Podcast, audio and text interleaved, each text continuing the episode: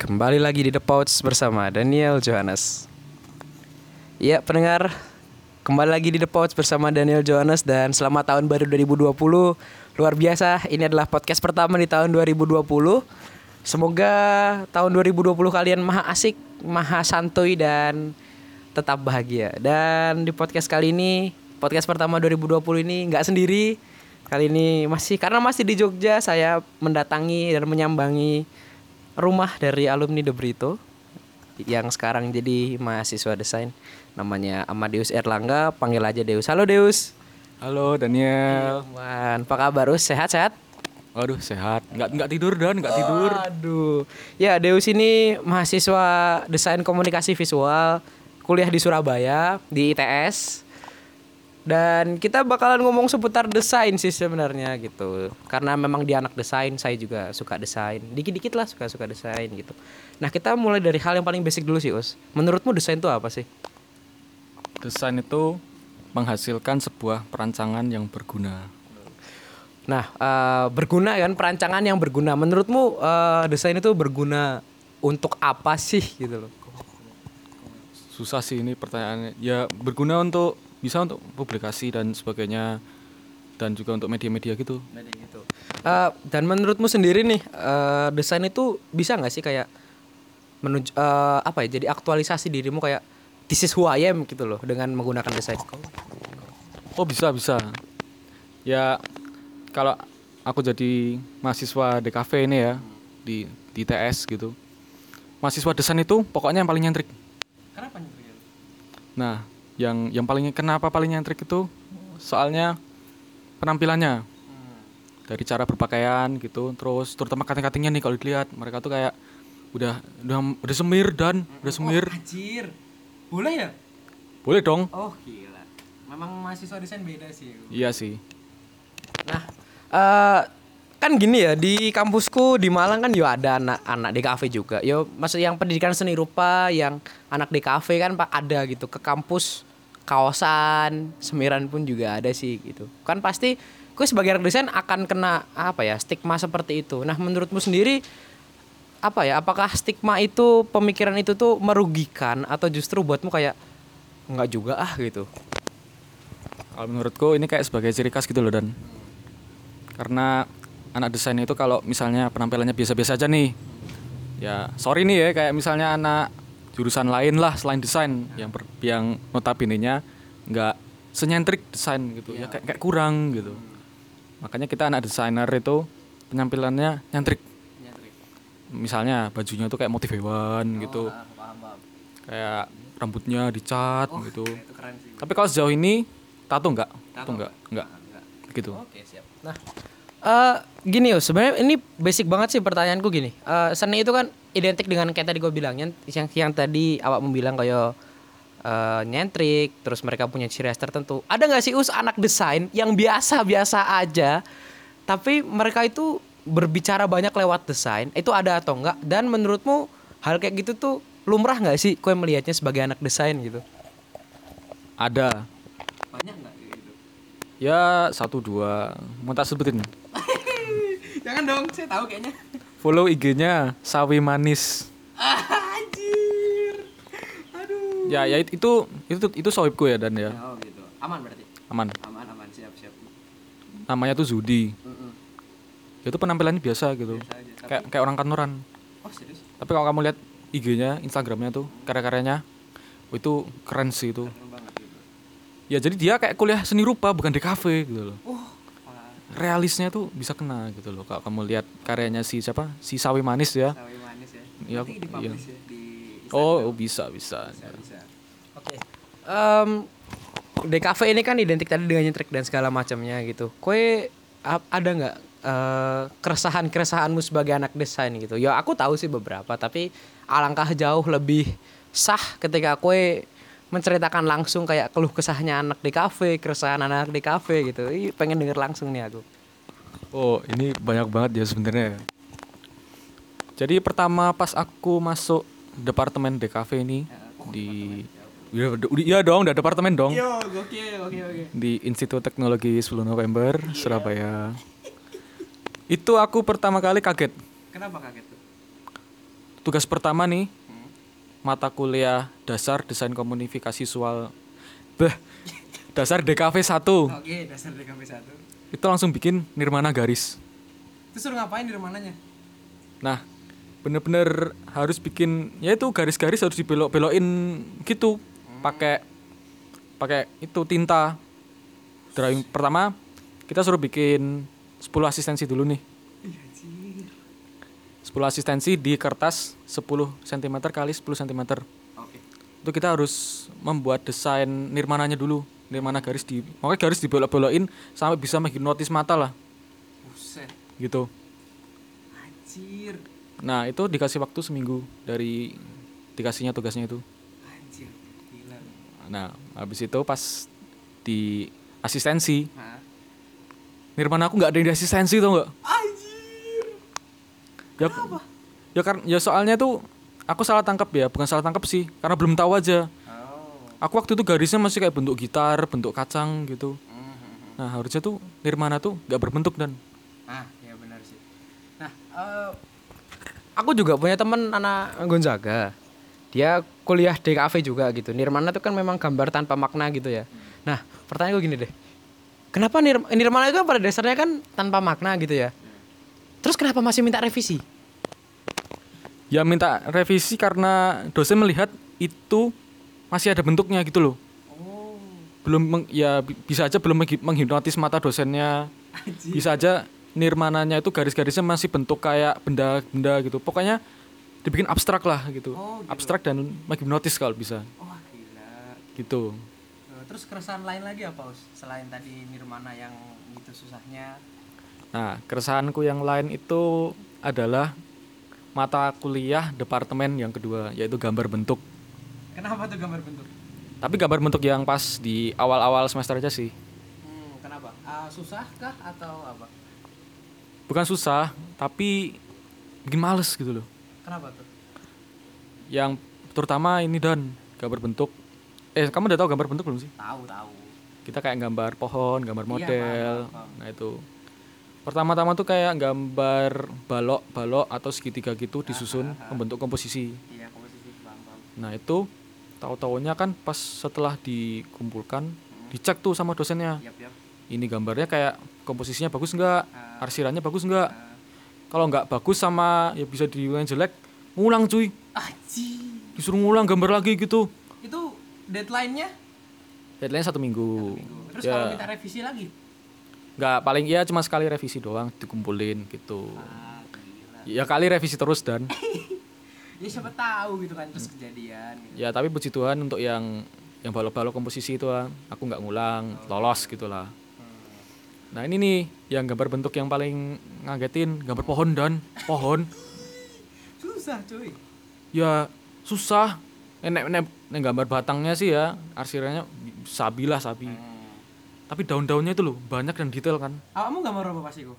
aku gambar pohon ah apa ya pohonnya ya pokoknya pohonnya tuh kayak atasnya tuh kayak daun-daunnya tuh rata gitu loh bukan pohon Kira-kira kayak pohon apa wes yang paling realistisnya?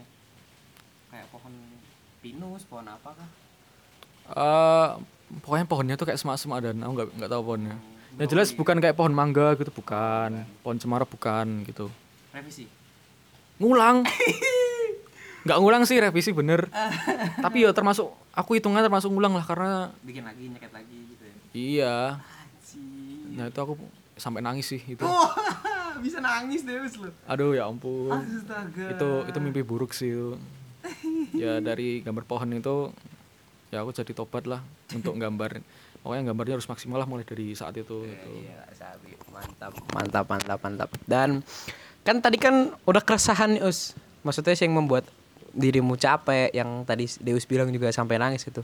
Terus eh, ini deh, hal yang membuatmu tuh jadi yakin dan betah kuliah di DKV itu apa sih sebenarnya? ya karena ini kuliah bener-bener bebas mau ngapain berkarya maksudnya Oke. kayak kalau misalnya dulu kan aku rencananya mau masuk teknik dik wah teknik loh Anjir, teknik apa? elektro Fuck. Tapi setelah mas SMA kelas 3 gitu melihat hitung-hitungannya banyak ribet gitu kayak bener-bener terpaku gitu kayak nggak bisa bebas dan bisa-bisa aja aku stres gitu. Ya akhirnya aku memutuskan untuk masuk DKV ya sebenarnya walaupun tugas nirmana sama gambar bentuk itu tetap aja nggak bisa bebas banget karena harus benar-benar memenuhi kaidah seperti komposisi epasis keseimbangan gitu arsirannya harus begini. Tapi ya namanya udah passion kan tetap seneng gitu Memang memang tuh kadang passion tuh mengalahkan segalanya sih. Ketika memang ketika kita sudah suka satu hal gitu, kita bakal ibaratnya kayak bakal mati-matian lah gitu. Gampangnya kayak kita suka tim sepak bola lah katakan. Kan ada tuh yang sampai rela ngabisin duit buat beli tiketnya, buat beli merchandise-nya. Memang passion tuh mengalahkan segalanya nih. Nah, eh, ini topiknya sebenarnya agak throwback sedikit. Nah, tadi kan Deus ini kan eh, ngerasain dilema atau ngerasain dinamika eh, ketika dia capek, dia lelah, dia harus ngejar deadline juga dan segala macam padahal dia punya kepentingan lainnya gitu kan. Sebenarnya ini sudah terjadi di SMA kami berdua gitu. Nah, lagi-lagi, lagi-lagi saya ini wawancara Deus anak ITS, dia alumni The, The Brito juga. Kan kalau kemarin alumni The Britonya udah ada KS, sudah ada Krisna Krispe dan juga ada Enggal dan sekarang sama Deus nih. Nah, Us eh, ada nggak sih pengalamanmu semasa SMA gitu yang nggak beda jauh dengan kuliahan? ya yang pasti esensi SMA tuh ngerasa banget sampai sini. Misalnya, contohnya. misalnya nih bener-bener kalau di Deber itu kan kita diajarin untuk survive kan ya? Nah sama nih kuliah di cafe juga bener-bener harus survive. Melihat nirmana yang susah untuk asistensi serta gambar bentuk yang makan waktu itu harus bener-bener survive. Gimana pun caranya lalu kan kalau di di JW nih terutama untuk pengumpulan tugas bisa dibilang ketat nggak sih kalau pengumpulan tugas tuh lupa aku Sebenarnya sih kalau dibilang ketat nggak juga sih Us. Mungkin waktunya agak mepet aja kali sih sebenarnya. nah ini ya maksudnya mepet-mepet gitu sama cenderung kayak banyak gitu nggak sih Iya, memang banyak sih. ya dengan cara waktu SMA kayak gitu ke bawah sampai sekarang bisa memanage lebih baik gitu loh alhasil aku ngerjain mata kuliah departemen seperti dasar DKV 1 dan gambar bentuk itu ngerjain Hamin satu tuh sama sekali nggak ada Dan ini aku bukan bukan nyombong lah ya tapi kayak sad- sadar gitu loh kalau ngerjain Hamin satu atau Hamin dua untuk tugas gambar itu kayak ya cepet banget dan itu bisa aja nggak maksimal hasilnya Oh, benar sih setuju aku. Nah, tapi ya tapi itu tergantung apa perspektif orang-orang ya. Ada yang memang asik atau lebih suka untuk ngerjainnya Hamin 2, Hamin 1 gitu. Mungkin moodnya dapat ya. Karena panik gitu. Deadline besok lebih lebih semangat Ada gitu. jadi ada ada apa ya motivasi lebih. Iya, ada motivasi. Nah, kalau kalau aku tuh lebih suka nyicil sih. Lebih suka nyicil ya. Jadi Gitu. pas hari H, pas hari H aman lah berarti ya. Ya, pas hari H aman dikumpulin, nggak nggak panik gitu, pergi ke gedung desain Uh, dengan damai berarti. dengan damai membawa tugas-tugas gitu meskipun tidak terasistensi dan tidak ter ACC maksudnya tapi nggak apa-apa lah dijalani aja Eh, kayaknya ngomongin SMA ini memang menjadi topik yang menarik ya Us ya. Maksudnya Oh gini, kalau dari aku sendiri tuh gini ya, kayak sebagian proses dalam hidup kita itu nampaknya tuh berlangsung di SMA gitu loh, kayak proses pendewasaan, proses apa ya, menemukan hal-hal lain gitu kan. Karena gini teman-teman The Pots, jadi oh teman-teman The Pots. Jadi sebenarnya tuh di The Brito itu kami tuh eh, menemukan banyak istilah, banyak eh, frasa juga gitu. Nah kalau ngomongin frasa ini ada tiga frasa yang kita temukan. Jadi pas kita kelas 1 kita ketemu frasa yang namanya ad, yang tulisannya ad maiorem dei gloriam itu artinya demi kemuliaan Allah lebih besar. Di kelas 2 kita ketemu a man for and with others. Kemudian di kelas 3 kita ketemu find God in all things. Nah, kalau buat Deus sendiri dari tiga frasa yang Deus temukan ini yang paling menarik apa dan berdampak yang yang berdampak signifikan buat hidupmu sekarang yang mana? oke dari tadi yang ngomongin desain dan kelukuran sekarang jadi ada value-nya gitu ya Iya, jelas dong, Bro. apa ya bingung sih aku lebih ngena yang man for and with other Kenapa tuh? ya karena kerjasama buat mencapai tujuan gitu Kolaborasi berarti ya. kolaborasi yang cocok untuk bisa mencapai tujuan begitu Eh, terus kan ke ngomongin soal kolaborasi nih Us kan ketika kita keluar dari eh, enggak keluar sih ketika, ketika kita selesai studi di The Brito dan sekarang seka- Deus ini kan posisinya sama kayak kayak kayak gue gitu karena sama-sama ngerantau dan kayaknya sama eh, ini ya pertama kali ngerantau juga ya Us ya. Maksudnya kan ketika kita keluar dari Jogja itu kan kita hanya hanyalah mas-mas biasa yang merantau dan siap kuliah gitu. Nah, eh, kalau misalnya kaitannya dengan kolaborasi nih, kue ini enggak sih? Kalau tadi kan ada, ada temanmu nih dalam sesama desain yang memang keren dan kue sohib gitu dan kue bisa berkolaborasi lah katakan dalam dalam urusan desain dan yang terkait gitu. Ada nggak sih eh, mungkin kue berkolaborasi dengan orang lain yang bisa membantu dirimu tuh lebih berkembang tidak hanya di bidang desain. Eh, belum sih sejauh ini aku masih bidang desain doang kayak ikut kemanitiaan gitu di UKM Katolik jadi desainer terus apa panitia desain di itu loh ITS mau main ke Jogja Hah? bikin tryout UTBK Oh alah tahu tahu. namanya Senoparta 10 November part of Yogyakarta Oh gila. Iya. Keren keren keren. itu yang dari JP ya jelas masuk lah Tisto, Mbak, aku Bertiga doang berarti ya? ya bertiga lah ya wajib lah Oh, itu sih, iya sih. Nah, setelah itu ya aku masih bidang desain-desain aja sih selama ini. Ya. Oke deh. Nah, eh, kita kembali ke soal desain nih sebenarnya Deus ini kan bisa dibilang tuh udah urusan desain, udah ya jangan desain dulu deh kita taruh. Desain eh, Deus ini kan sudah berkutat di bidang seni. Di bidang seni itu sejak kayaknya udah dari SMP di Deus nih. SMP akhir kelas 3 dan masuk awal-awal di The Brito dia di- karena karena gue sama Deus ini pernah sekelas di kelas 1 gue tahu kayak dia gambar apa dia ini segala macam berkutat di bidang itu tuh. Nah kalau misalnya di bidang seni dan desain Deus menurutmu tuh gue melihat orang lain yang tidak punya background DKV atau bidang oh, tidak punya background desain gitulah terus mereka masuk ke bidang desain katakan. Hanya hanya dalam porsi sebagai hobi misalnya dalam porsi sebagai misalnya katakan mereka berbisnis dengan desain gitu. Nah pandanganmu sendiri sebagai anak desain gimana Pandanganku ya nggak apa-apa gitu. Soalnya nggak kuliah desain pun orang-orang bisa belajar desain. setuju Bisa, heeh. setuju setuju ilmunya di luar banyak berarti ya banyak banget. banyak banget Dan apa? Desainer itu persaingannya juga banyak banget. setuju Teman-teman juga banyak banget. Makanya bisa saling belajar satu sama lain, saling mengoreksi diri gitu. Hmm, Oke oke. Nah, kalau di bidang desain sendiri, Us, menurutmu tuh ini enggak sih perlu ada spesifikasi gitu nggak? Karena kan kalau kita berbicara desain ini kan suatu hal yang masih sangat luas ya. Maksudnya apalagi kita apalagi desain komunikasi visual nih kan setahu kan desain komunikasi visual itu kan nggak cuman berkutat pada gambar gitu loh pasti mereka ada yang advert ya kan pasti kan aplikasinya terus jatuh ke advertisement misalnya atau ke publikasi yang bidang lainnya gitu menurutmu perlu nggak sih eh, spesifikasi di bidang desain gitu. Nah, maksudnya gimana? Maksudnya kan, maksudnya kan kalau kita ngomong desain itu kan terlalu luas nih. Iya. Karena kan desain itu banyak gitu. Nah, menurutmu orang-orang yang mendalami desain itu perlu nggak spesifik gitu? Suka satu desain aja gitu atau semuanya aja sekalian? Kalau menurutku ya untuk bekerja di bidang apa iklan advertising gitu itu banyak-banyak lah itu loh belajar ideologi Kenapa tuh? Ideologi de- maksudnya ideologi pandangan orang-orang terhadap seni gitu. Oh gitu. Misalnya desainer ini dia sukanya seperti ini. Gitu. Desainer ini dia sukanya seperti itu. Orang-orang lebih suka yang ini yang ini. Nah sebagai desainer terutama advertising tuh harus bisa menyesuaikan gitu loh dan. Oh iya benar sih benar. ya aku tahunya cuman gitu. Soalnya tujuanku nggak nggak nggak ke seperti advertising tapi lebih ke ilustrasi gitu. Oke. bekerja di bidang konsep-konsep art seperti itu Sebenarnya itu menyenangkan sih kalau menurutku. Nah, sekarang kue mau takon apa?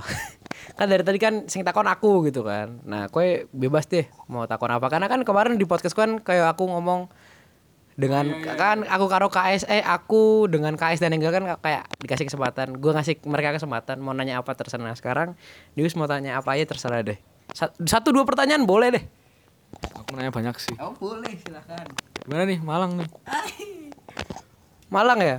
Malang itu kalau buat aku yang pertama kali ngerantau menurutku enak sih karena dari secara sosial, secara kehidupan bermasyarakat lah dan segala macam itu enak. Orang-orangnya juga ramah, asik. Karena aku suka sepak bola ya. Kultur sepak bola di Malang itu sangat keren sih, Us. Gue kan ngerti Arema kan. Nah, itu yang unik tuh gini, Us.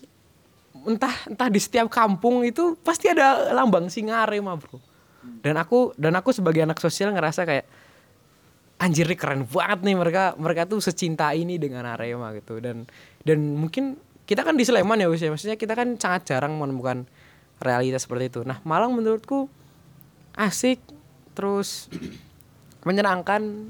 Cocok lah buat kalian-kalian yang mau ngerantau gitu yang mau kuliah di Universitas Brawijaya atau di Universitas Negeri Malang Malang enak sih Wis. Mau tanya apa lagi? Tanya tanya aja nih boleh nih. Oh malah jadi saling interview ini ya. nggak apa-apa Asik dong. boleh boleh. Ini dan Malang dingin nggak? Kok dia ada dingin nggak? Dingin? Eh, pertama kali datang ke Malang tuh pertama kali datang ke Malang naik kereta turun di stasiun Malang Malang Kota Malang Kota Baru. Percaya nggak us? Ketika aku turun di kereta suhunya 15 derajat. 15 derajat. Tapi setelah jadi suhu Malang tuh rata-rata tuh ada di kisaran 18 sampai 28 lah ya standar lah tapi kalau malam sih dingin us karena karena kan dekat gunung kan jadi kalau panas juga masih kerasa dingin ya nyaman sih menurutku ya kalau diibaratin nggak beda jauh kayak Jogja sih mungkin bedanya Malang lebih dingin Oh ya apa itu? B- BTW di Malang nih. Teman-temanmu yang apa? Ada ya temanmu dari DKV ya? kafe ada Mau ceritain dong. Oh iya. Eh, jadi temanku jadi temanku ini namanya Pascalius Andre Manabung. Dia anak kolesi Gonzaga kuliah di DKV UM gitu. Dia ini kalau urusan desain dia tuh lebih penting esensi ketimbang ngejar deadline. Jadi pernah di satu waktu aku main ke kosnya. Kan episode pod- eh, podcast episode pertama aku itu kan bareng Alvan kan. Dia kan anak akuntansi. Jadi waktu kita rekaman podcast itu Andre lagi ngerjain Andre lagi ngerjain tugas di kafenya gitu Eh, aku kan ngobrol sama dia lu lu kenapa sih nggak bikin desain yang udah nurutin dosen aja gitu dia, dia bilang nggak dan gue lebih penting esensi menurut gue karena ketika gue nemu feelnya di gambar gue bakalan bakalan bisa bikin karya yang bagus gitu loh. Jadi semisal gue ketemu dengan dia gue rasa mungkin ya bisa cocok sih, bisa kayak saling berbagi lah. Ya kan se- se- secara secara sobat kolese gitu kan. Pasti adalah topik-topik yang nyerempet desain atau yang nyerempet soal temenan, pasti asik sih. Apalagi Us. Ini mau tanya nih. Eksistensi The Brito di Malang. Oh iya iya oke oke. Ntar kalau soalnya nih di teman-temanku di TS rata-rata The Brito tahunya setelah aku kasih tahu. Gitu nang anak-anaknya gitu. Tak tak liatin tak liatin aja yearbook yearbooknya anak The Brito. Nanti baru oh ternyata seperti ini gondrong gitu. Kalau di Malang gimana nih? Kalau di Malang itu tidak seterkenal itu sih, maksudnya hanya hanya sekian orang yang tahu The Brito. Maksudnya kalau misalnya tak kasih gambaran siapa siapa siapa yang tahu ya, yang tahu The Brito itu yaitu tadi anak kolese Gonzaga, di mereka tahu pasti tahu lah karena secara anak kolese. Terus adalah sejumlah teman-teman Katoliku yang tahu gitu dan siapa lagi yang tahu ya? Oh pacarku tahu, orang tuanya tahu gitu. Kalau eksistensi The Brito di Malang bisa dibilang tidak seterkenal itu sih gitu loh. Tidak se, tidak namanya tidak sebesar yang ada di Jogja gitu loh. Kan ketika kita di Jogja gitu kan misalnya lah katakan yang paling sederhana ketika kita naik motor ada stiker The Brito aja orang udah kayak Ciwi coy gitu loh. Di Malang nggak ada yang peduli bro. Bukan nggak ada yang peduli maksudnya nggak tahu gitu loh. Memang memang tidak tahu karena gini nih Us. Jadi di Malang itu ini setahuku ya, kalau misalnya teman-teman The Pots mau ngoreksi boleh deh. Jadi gini, di Malang itu sekolah swasta yang aku tahu yang punya nama besar tuh ada dua. Satu yang namanya namanya itu SMA 1 Albertus. Namanya Dempo biasa nama terkenalnya lah. Kayak kita ada Brito CP gitu kan. Mereka jadi Albertus nih Dempo nih terkenal gede sekolah seko- semacam sekolah lama gitu sih menurutku. Model kayak ada Brito gitu sih. Terus ada yang namanya sekolah tuh namanya Koryesu mereka tuh di bawah suster-suster Ursulin. Kayak Ursulin Solo, Rekpak gitulah. Kayak gitu modelnya nah itu itu dua sekolah yang memang terkenal us yang punya yang orang tuh tahu. Kayak misalnya nih orang ketemu eh lu kuliah sekolah mana dulu? gitu misalnya. Aku ndek CC Koryesu oh, tahu. kayak sekolah dia aku alumni Dempo gitu. Kayak di De Brito Hah? gitu loh. Ya karena memang tidak sebesar itu namanya di Malang sih. Tapi at least tidak masalah sih menurutku us nilai-nilai selama kita pelajari Oh iya, yang yang jelas value-value yang kita dapetin di The Burrito tuh berguna sih. Nah, bahas soal value nih Us nih. Kue kan sebagai anak rantau tadi kan kita kembali ke pengertian awal bahwa kue juga anak rantau, aku juga anak rantau.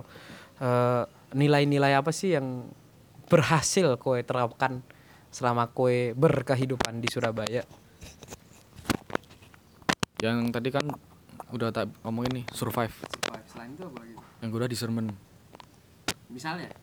discernment tuh apa penimbang-nimbang kan yang mana yang buruk atau baik Iya. yang paling baik dari yang paling baik gitu Iya, iya. ya ini kayak aku ngambil keputusan tuh kayak cepet gitu loh dan Hmm. misalnya nih tentang mata kuliah departemen Ya. dan dan tugas dari kepanitiaan nah mana nih yang aku lebih pentingin dulu tugas dari departemen atau kepanitiaan ya tentu orang-orang mikir tugas departemen dong. Oh, jelas. tapi kepanitiaan juga penting dan. Iya, karena ini acara yang termasuk gede gitu loh. Acara di keluarga mahasiswa Katolik di ITS kita bikin acara kayak makrab lah makrab bareng. Oh, paham, paham. gitu. Aku juga masih agak maksudnya gimana ya susah untuk belajar desain logo gitu. Aku juga perlu belajar untuk bisa bikin logo untuk kelu- acara keluarga mahasiswa ini Hmm. jadinya ya agak sedikit bingung untuk menimbang-nimbang waktunya ya pas pas awal-awal ya tapi karena setelah apa di di, di Berito ini jadi lebih gampang gitu loh bagi-bagi waktunya Oh, gitu.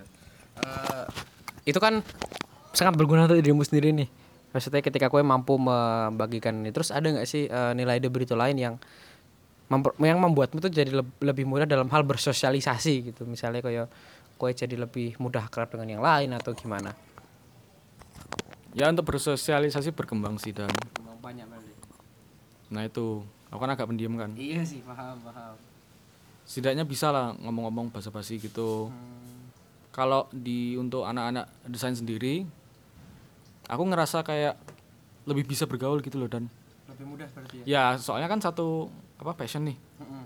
ya jadinya kan tahu arah perbincangannya ke mana gitu Iya, iya, iya. tapi sejak aku bergabung sama panitiaan yang sampai teman-teman di luar jurusan gitu ya aku mulai belajar gimana cara ngomong gitu udah gila. Itu sangat berarti ini ya. Ibaratnya itu kayak bola salju ya. Jadi semakin ke sini kok akan jadi semakin lebih banyak, lebih banyak, lebih banyak, lebih banyak gitu. Nah, Us ini terakhir deh Us nih. Suatu saat nanti ketika kau sudah tidak ada di muka bumi ini lagi, kau ingin dikenang sebagai orang yang gimana?